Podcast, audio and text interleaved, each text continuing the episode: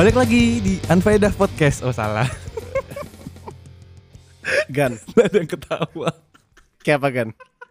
Kurang sih. Gimana Gan? Cuman- Gimik, gimiknya klasik gak sih? Asli. Kurang sekali. Bisa kan kalian bikin? Coba bikin. kurang, kurang. Kurang banget. Iya. Balik lagi bersama Radio tengah malam. Oke, oke, oke. Menayangkan. Balik lagi di podcast The Mas Mas Show bersama saya Ismi dan ada Bapak Enggal serta Bapak Gana. Iya. Yoi.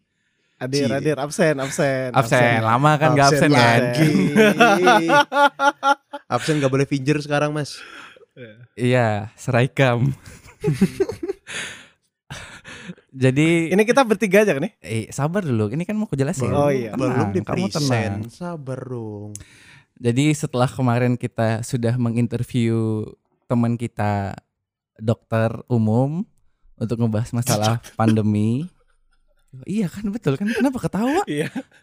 Dokter umum Putra Majid. Eh, iya. Yang obrolannya itu sangat menarik dan sangat berisi. Kalau kata orang-orang tuh daging semua isinya. Wih. Aduh. Nggak ada hati, nggak ada ampela. Uh. Nggak ada tulang. Jadi di episode terakhir kita kan kita ngebahas masalah eh, resesi ekonomi ini kan karena pandemi ini.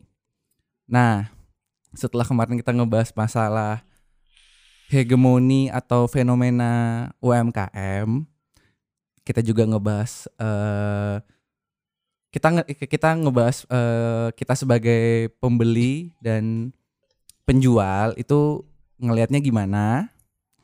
Dan kali ini nih kita coba ngobrol sama teman dekat kita juga dari dulu, udah akrab. Kebetulan dia walaupun S1-nya dulu di hubungan internasional, Wih berarti S2 dong ini. nah belum selesai. Oh iya. Ada Duh, S1 master dong dulunya. Wah. Master ini bro, Master dari Kobuzer. Oh, salah. Wow. Master of Ceremony. Master Chef. Ya, ayo keluarkan lagi. Ayo cepat cepat keluarkan lagi. Master Lagi mikir, lagi keluarkan lagi. Ayo, ayo, ayo, ayo. Ditunggu nih. Masterpiece karaoke Ahmad Dhani. Ya mungkin Masterpiece mau sponsorin silahkan. Wah, ya. Iya, masuk terus. Ngo- soalnya teman kita yang satu ini juga hobi karaokean ini bisa masuk. Oh iya, sangat sangat. Mm-mm. Oh iya benar. Jadi dengan S1-nya HI dan hobinya berkaraoke dan S2-nya itu manajemen, wow sangat nyambung ya. Nyambung, nyambung Obinya sekali. disebut banget tuh, Pak. Jadi ini eh, kita punya teman namanya Rizky Harliantoro atau biasa disebut Rizky Toro atau Torski nickname-nya. Iya. Wow, sangat Aplaus, gaul sekali. Aplaus dulu buat Bapak Toro. Jadi kita sengaja nih ngundang Toro untuk di podcast ini. Se kita mau nanya-nanya nih masalah UMKM, fenomena UMKM. Terutama kan masalah bisnis eh, manajemen bisnisnya lah, bahasanya kayak gitu. Karena kan Toro ini ngambil S2-nya S2 manajemen Tor ya. Iyup, begitulah. Ya, itu tadi suaranya Mas Toro, dia ngambil S2 manajemen di UGM Tor ya. UGM. Lalu Wih, semuanya, kampus apa kampus ternama tuh. Eh, terus eh, sempat kerja di di mana dulu Tor? Dulu kerjanya di Pertanian. perusahaan perkebunan. Oke, kalau sekarang di mana? Sekarang di startup. Nama startupnya? Nama startupnya Hobinity. Uh, Hobinity itu bergerak di bidang apa tuh? Jadi Hobinity ini bergerak di bidang aplikasi, khususnya lagi mau bikin sosial media Oke. buat para penggiat hobi dan komunitas. Jadi memang Oh, berarti di Kalau kayak tadi hobi karaoke-karaoke gitu dikumpulin jadi satu gitu ya?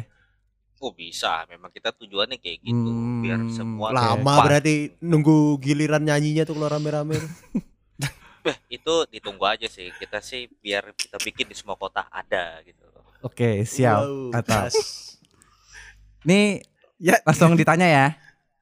Oh boleh gas, boleh gas nih. boleh. Ki- Kita serang langsung nih. Jadi gini Wih. Tor, kemarin kan kita ngebahas Hmm. masalah UMKM. Iya, secara garis besarnya sih kita kemarin ngebahas masalah eh, kualitas produk, eh, cara meningkatkan kualitas produk gitulah. Terus kalau misalnya kamu sebagai eh, pemain baru nih bahasanya itu harus gimana untuk untuk untuk ngejaga kualitas produk itu. Terus juga kita sempat ngebahas soal brand-brand besar yang di kondisi Oke, pandemi oke. ini juga beberapa udah mulai declare untuk bankrupt. Nah, ini kamu eh ngelihat kita ngomong UMKM-nya aja nih, kita nggak usah ngomongin brand yang besar itu. Boleh. Kalau menurut kamu fenomena UMKM yang ada sekarang tuh gimana sih? Terlepas adanya pandemi. Kalau UM se- UMKM sekarang memang menjadi tantangan tersendiri ya. Khususnya nih sebelum pandemi pun juga memang sebenarnya ya ada masalahnya. Apalagi Apa tuh? semenjak semenjak sudah mulai eranya digital ini loh. UMKM ini kan sebenarnya garda yang paling sulit untuk mendapatkan akses pembelajarannya. Nah, itu Hmm, yang jadi agak susah di UMKM itu untuk bisa meningkatkan hmm, dia bisa dibilang penjualan dari UMKM-nya sendiri ya. Kalau Hmm, aku oke. lihat tuh, soalnya sekarang nih kan apa-apa kan udah pakai internet, Mat ya. Dan Oke. rata-rata pembeli-pembeli sekarang tuh pun juga ya anggapannya calon-calon pembeli dari UMKM ini pun sebenarnya banyaknya di dunia online, dunia internet. Jadi memang mereka mau harus bisa boleh bertransisi ke arah online. Berarti Gitu. bisa dibilang eh secara gamblangnya bahasanya gini. eh transaksi yang terjadi, sorry, kita bilangnya dari pemasarannya deh. Berangkat dari Hmm. pemasaran hingga terjadinya transaksi itu semua sudah dilakukan secara digital. Gitu ya. Betul, Digital marketing. betul. Kalau digital marketing kan. kan ah, Nah, kita- tadi kan ngomongnya cuma pemasaran. Ini aku ngomong dari Mm-mm. dari pemasaran sampai transaksinya gitu loh, mm-mm. ya kan? Oh semuanya. Oke. Mm, didengari makanya. Fokus. Parah nonton apa itu. sih? iya, nonton apa sih? Instagram cewek kayaknya yang diliatin. Asli. Mantan kayak di kepo nih. Iya. Aduh. Yang mana enggak? Yang itulah kayak. Ya, fokus ya. Oke, Boleh? kita Boleh, fokus, iya, iya, fokus. maaf. Boleh ya. Boleh. Lah. Tadi kan itu masalah dari segi pemasaran dan masalah transaksinya yang terjadi secara digital. Nah, tapi kalau Hmm. misalnya kita ngomongin soal eh kita ngomong secara makronya dulu deh. Kira-kira untuk so- untuk sebuah UMKM, untuk sebuah bisnis kecil itu bahasa gampangnya gimana sih? Apa aja sih yang harus disiapin, Tor? Yang paling penting sih sekarang mereka tuh harus tahu dulu ya eh, jualan mereka tuh mau ke siapa. Paling gampangnya gitu deh. Karena kalau mereka cuman sembarang bikin produk, kita kan nggak tahu nih bakal cocok apa enggak. Nah, UMKM UMKM ini kadang-kadang masih bingung untuk memasarkan produk mereka. Kalau bisa dibilang sih sebenarnya UMKM kita tuh dari segi produk nih ya, quality produk nggak kalah kok sama kualitas-kualitas yang ada di luar negeri. Cuman kadang pengemasannya sama pemasarannya sih malah lebih perma- eh, masalahnya tuh di pemasarannya ketimbang di produknya. Oke, Tuh. oke. Kalau Berarti artinya- kalau banyak kan udah bagus tuh. Masalah target pasar berarti ya yang yang yang jadi momok. Utama. Hmm, masalah biasa target pasar kan banyak tuh maksudnya di ne, apa ya UMKM UMKM kita tuh yang kayak paling gampang yang pembuat sepatu pabrik-pabrik sepatu kan banyak tuh brand-brand besar juga pakai punya kita ya Hmm. belum berani lah mungkin atau nggak masih bingung cara membranding dari sepatu yang udah mereka buat Oh, bentar. Maksudnya brand besar pakai produk kita. Maksudnya eh, secara produksi atau Enggak deh, kayak, Secara kayak- kayaknya juga. kayaknya yang dimaksud Toro itu adalah sebenarnya kita secara capability kita tuh bisa Ada. menghasilkan produk yang bisa bersaing secara internasional. Kayak gitu ya. Mm-mm. oke. Mm-mm. betul Ya. Cuman Berarti belum ada keberanian untuk ibaratnya bikin brand Branding sendiri. atas nama sendiri gitu loh. Oke. Gitu ya. ya udah mulai Seperti itu. Nah, eh, kemarin kan kita ngebahas gini Tor. Eh, tadi kan kamu sempat nyinggung soal eh, pelaku UMKM ini harus belajar segmentasinya dulu gitu ya. Harus belajar Betul. targetnya siapa nih penjualnya kan Mm-mm. gitu ya. Nah kemarin kita sempat ngebahas eh, fenomena yang terjadi di Citra Niaga Tor di Samarinda. Oke. Jadi kan di Citra ini kan lagi banyak banget nih yang jualan kopi, ya kan? Mm-mm. Nah, aku kemarin sempat ngomong tuh gini, kalau misalnya semuanya jualan kopi, terus yang beli siapa? Kan kayak gitu tuh. Nah, ya betul. Nah, ini berarti nyambung kan dengan yang kamu maksud tadi? Ah, nyambung. Nah, kira-kira kalau ada kejadian seperti itu tuh harusnya gimana, Tor? Kejadian yang kayak Citra Niaga itu sebenarnya itu agak bisa dibilang ya. Ini menurutku lo ya. Agak Ah, bahaya ah. juga. Soalnya Bahayanya apa nih? Nah, dalam satu pasar, gampangnya dalam satu pasar, ini ada seluruh pasar itu jualannya cuman buah doang, tapi nggak ada opsi lain. Oke. Jadi kan anggapan ketika misalnya nanti ada orang yang mau cari buah, dia kan pasti cuman milih salah satu outlet mana buahnya yang paling bagus. Udah gitu loh. Nah, itu yang jadi kendala. Hmm. Jadi empat outlet lainnya, salah outlet outletnya yang di pasar itu, dia harus berusaha nih buat cari pelanggan. Itu sih yang jadi problem ya. Kalau misalnya terlalu semuanya dihantam rata dengan produk-produk yang sama. Ini kalau aku membahasakannya dulu zaman aku eh, kuliah, aku sempat tau dosenku tuh gini. Ibaratnya ini ada kolam warna biru sama warna merah. Kolam warna merah ini kan udah penuh ya. Kamu jangan lagi terjun di kolam yang sama. Harusnya kamu terjun ke kolam yang biru karena yang biru tuh lagi kosong kayak gitu kan istilahnya ya. Analoginya Iya. kayak gitulah. Analogi gampangnya kayak gitu. Oke. Terus apa lagi kira-kira selain itu? Yang paling sebenarnya dibilang salah juga enggak sih ya, karena pun mereka kan juga masih berproses kan, masih mencoba lah. Ya kita nggak tahu kan mungkin UMKM ini Mm-mm. lagi berusaha untuk belajar, mungkin mereka juga untuk berusaha untuk berusaha mencari berusaha kan, kayak cari lidi produk Berusaha mereka. untuk berusaha. Betul, Iya betul. berusaha. Maksudnya Betul. Masalah, berusaha masalah. untuk berwirausaha gitu kali ya. Iya, Iya, iya, iya. Aku aku aku dasarnya- nangkep kok, aku nangkep kok itu. Iya iya iya. Pada Terus, terus? dasarnya kan biasanya kan orang-orang tuh kan mencoba sesuatu yang baru dan sesuatu yang kemungkinan lagi ngehits gitu loh. Nah itu yang susah, Ya lagi ngetren. lagi ngetren lah. Tuh. Tapi kita nggak bisa bilang itu salah juga ya. Aku bilang dari segi industrinya pasti bagus juga nih. Industrinya lagi meningkat. Kalaupun juga Oh, memang ya. ada secara segmen itu sama, cuman kan dari situ kan mereka udah mempekerjakan orang lain di saat lagi kayak pandemi kayak ini kan butuh banget nih orang-orang pekerjaan nih kan. Ya itu sebenarnya juga Yoi. cukup bagus gitu loh. Toh kalaupun nanti UMKM-nya gagal, itu kan bisa jadi pembelajaran tersendiri untuk UMKM-nya. Aku sih Hmm. mikirnya lebih baik seperti itu. Nanti kan dia jadi Arti- bisa belajar lagi. Tuh.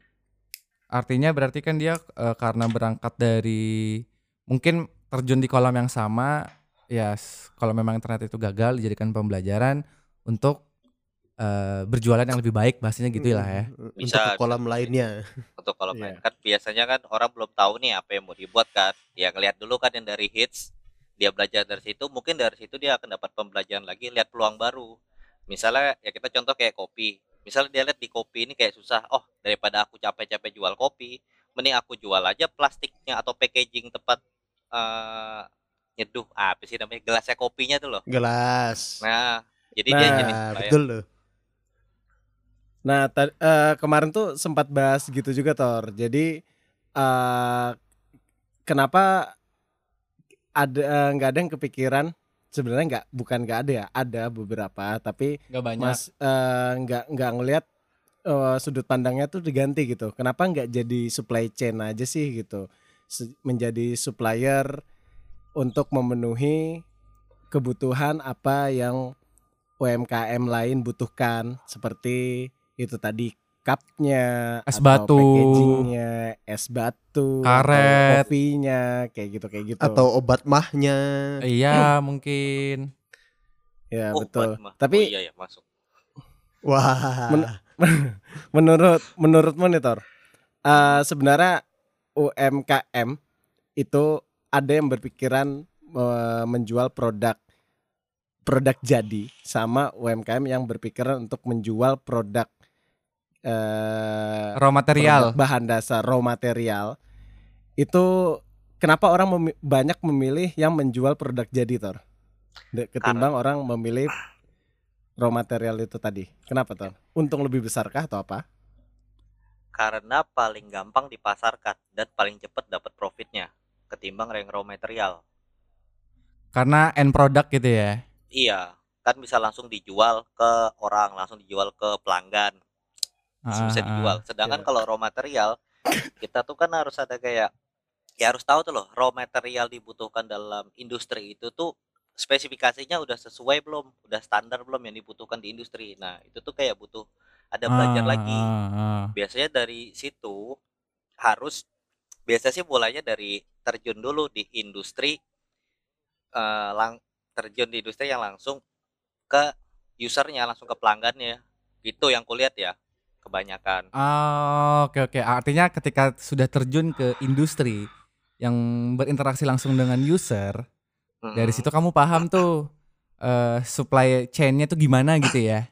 iya kebanyakan yang aku lihat ya soalnya yang biasa aku tanya-tanya teman-teman usaha juga rata-rata mereka basicnya yang jual raw material itu awalnya mereka jual produk end usernya dulu ke pelanggan baru mereka bisa ngeliat Oh, celahnya Oke. Oh. Oh, iya, betul, Berarti betul, batu betul. loncatannya di situ. Ya masuk akal Ah, sih. iya jadi Di nggak situ, ada salah di situ mereka tahu. Mm-mm, bener lah.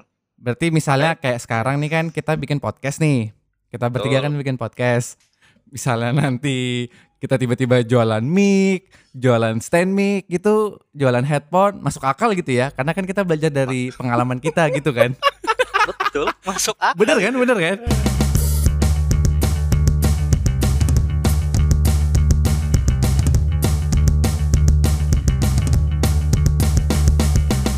Pertanyaannya gini Tor, apakah kita mau cuman jualan mic?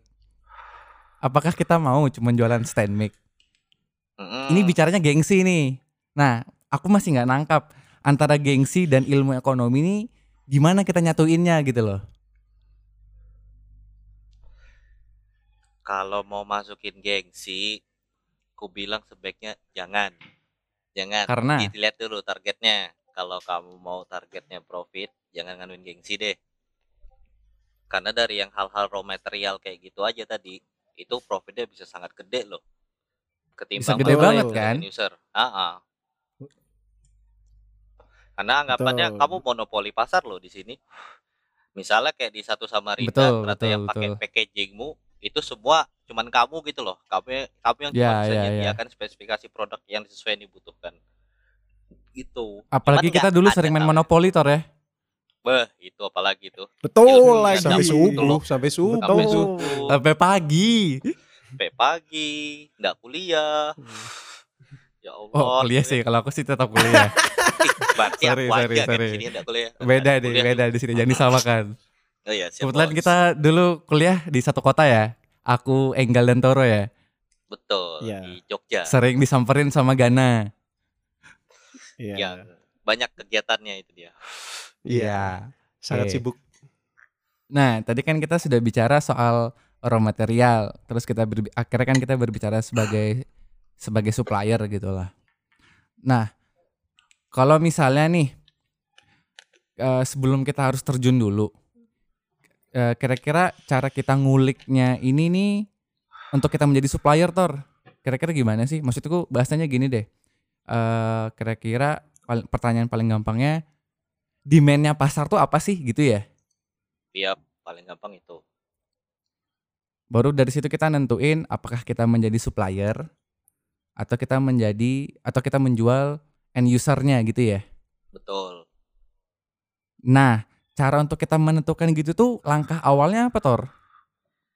dari yang paling gampang yang bisa aku sarankan ya paling enak dicoba aja dulu usaha yang paling kamu suka apa yang kamu passionmu tuh apa dari di situ tuh Wah, kamu Passion, mesti bisa Saya Passion setuju tuh. ini passion Saya Itu lagi. tuh.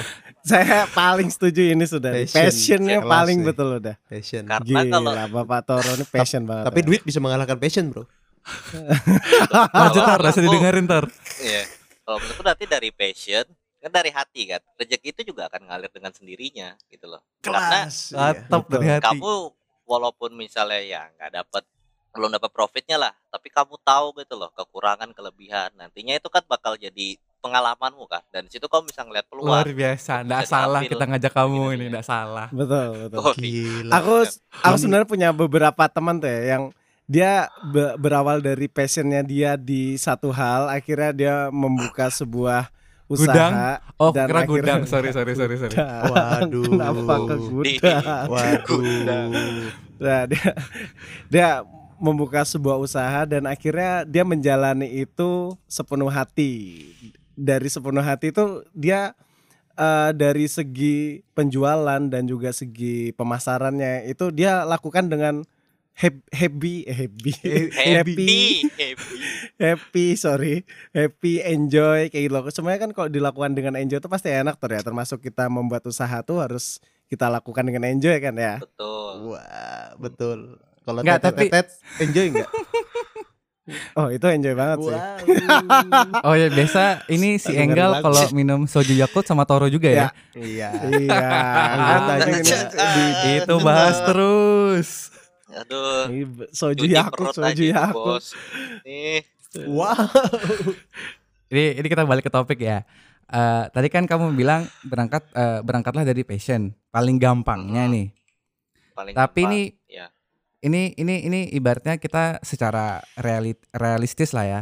Iya. Ibaratnya kamu punya passion A, tapi demandnya di pasar itu bukan A. Gimana Tor? Jadi ya kita juga nggak bisa bohong ya. Kita kan realistis, apalagi kehidupan terus Betul. berjalan, tanggungan makin besar Mantap. berumur itu. Mantap. Iya kayak Gana nih So, kan sudah iya. berbadan dua nih. Sudah badan dua. Wow, hamil saya. Se- Memang badanmu besar sih. Nah, kalau aku bilang Iya, ya, enggak. jadi bahas Eh, itunya. Tinggal dong. kalau aku bilang ya, Terus, paling gampang nih. Yang pertama, cari pendapatan yang pasti masuk, yang pasti aktif setiap Oke. bulannya, nggak masalah.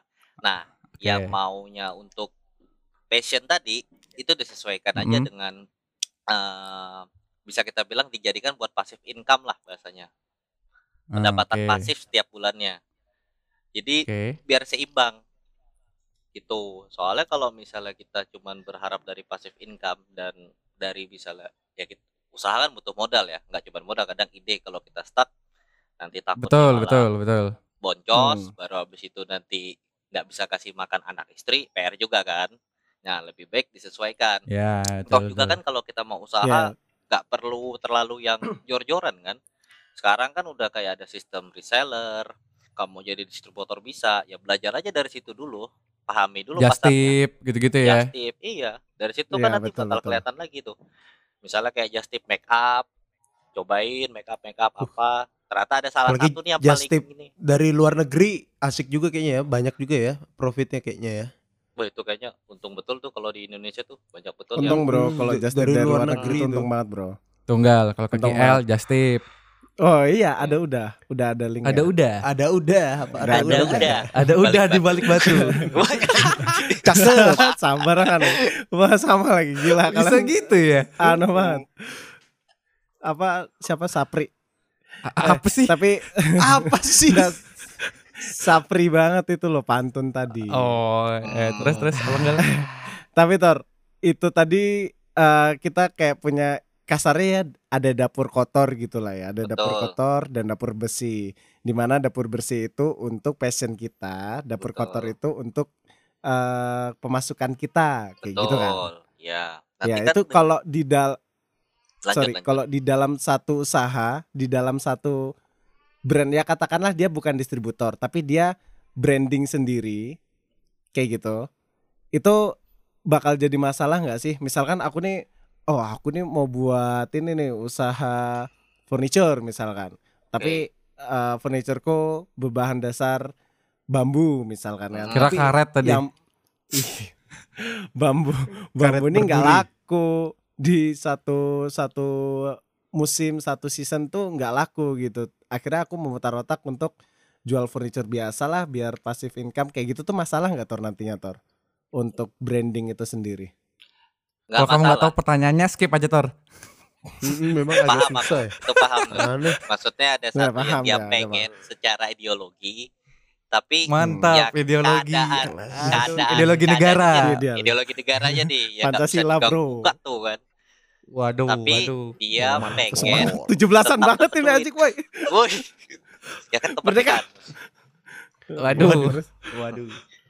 tapi kan eh, kita nggak bisa pungkiri kadang-kadang juga keadaan pasar nggak sesuai yang kita harapkan kayak kejadian pandemi ini kan Betul. mau nggak mau Ya. Jadi kita harus putar otak ya namanya kalau kita udah mau usaha kita juga harus bisa istilahnya pivot kita harus ganti core bisnis kita ganti bisnis kita kalau Hmm, sebisa oke, mungkin oke, saranku oke. lebih baik brandingnya jangan disamakan dengan apa yang kita buat yang udah kita buat sebelumnya dipisah gitu loh dari branding Hmm, setidaknya oke, kan oke, kita oke. punya koneksi-koneksi yang sebelumnya yang bisa kita kasih tahu gitu loh yang bisa kita pasarkan juga sebelumnya. Jadi Hmm, kayak nggak masalah.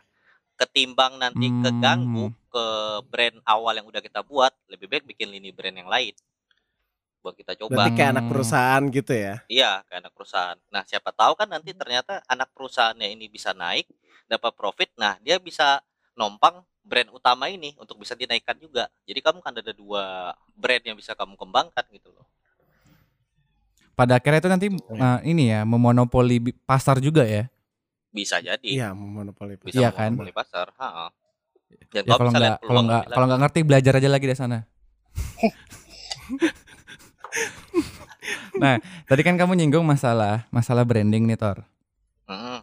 Ini pertanyaan dari aku. Kira-kira penting mana? Untuk di awal nih ya, untuk fase awal. Oke. Kualitas produk kah atau di branding? Kualitas produk Kenapa? karena kualitas produk nantinya akan mencerminkan brandingnya. Yang Misalnya kita punya kuali- kualitas A nih ya, pastinya, tapi pasar butuhnya cuma kualitas B, gimana dong? kita cari segmen yang bisa kita dapat. Kan nggak cuman ada di dalam negeri kan, bisa juga kita coba ke luar negeri. Ah, Pasar ah, tuh ekspor pasti ya. ada. Import kelas. Pasar tuh Ah, pasti kalau ada. kata efek rumah kaca itu pasar bisa diciptakan ya. Cipta Betul. bisa dipasarkan. Kan kita juga belum coba kan, apakah bisa berhasil apa enggak kak? Ya dicoba aja dulu. Apa salahnya? Siapa tahu. Berisa. Siapa tahu. Siapa tahu apa Tor? Siapa tahu apa? Siapa tahu nanti ketika gagal melihat peluang baru. Nah itu yang dikembangkan. Gitu. Ah, oke oke oke oke. Nah, sekarang aku aku nih punya punya satu apa ya? Idealisme lah ibaratnya lah. Enggak unek-unek sih. Kalau unek-unek mah Oh. dikeluarinnya di tempat lain. Ah, kalau ngeluarin itu Di Keluarin tempat apa? Mana? Upil. Ngeluarin. Ya. Upil lah dikeluarin ke tisu. Iya. Iya kan? Oh, iya. Hmm, Oke, iya sih. Di, tisu itu dipakai untuk ngeluarin upil, jangan yang Hmm. lain. Gitu loh. Oh. Yang lain boleh fokus ke pertanyaan ya? Ini boleh fokus ke pertanyaan Ah, iya. nih? Ini Maaf, terlalu maaf. jauh nih Oh, melipirnya iya, nih. iya, iya, iya. Nah, saya keluar-keluar sih. Karena aku jadi lupa apa. kan pertanyaanku kan.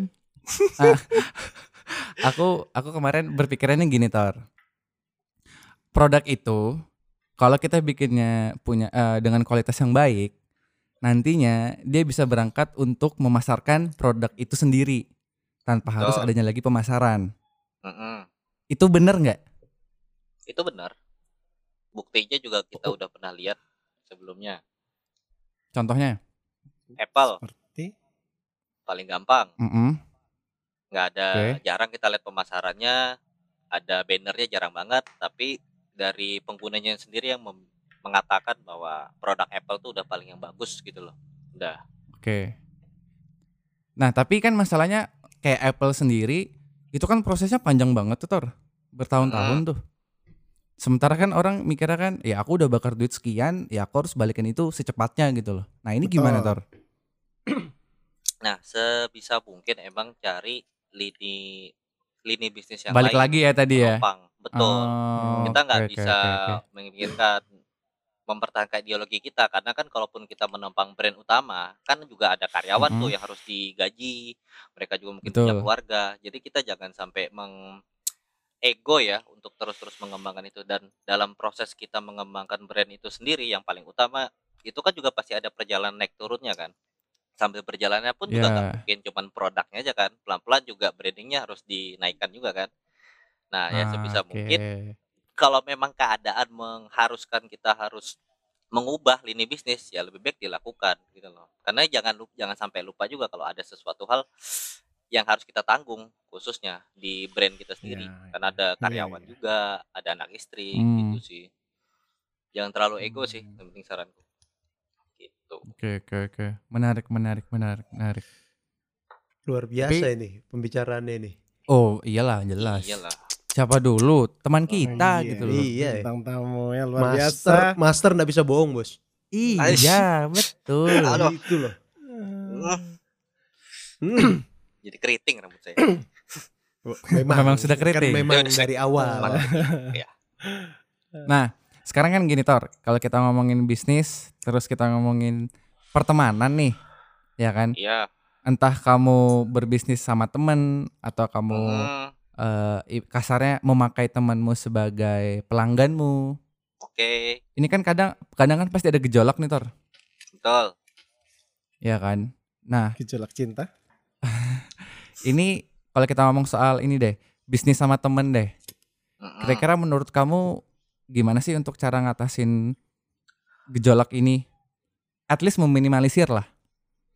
paling utama itu bikin kontrak paling gampang tuh bikin kontrak antara kamu dengan temanmu hitam di atas putih Hitam di atas putih.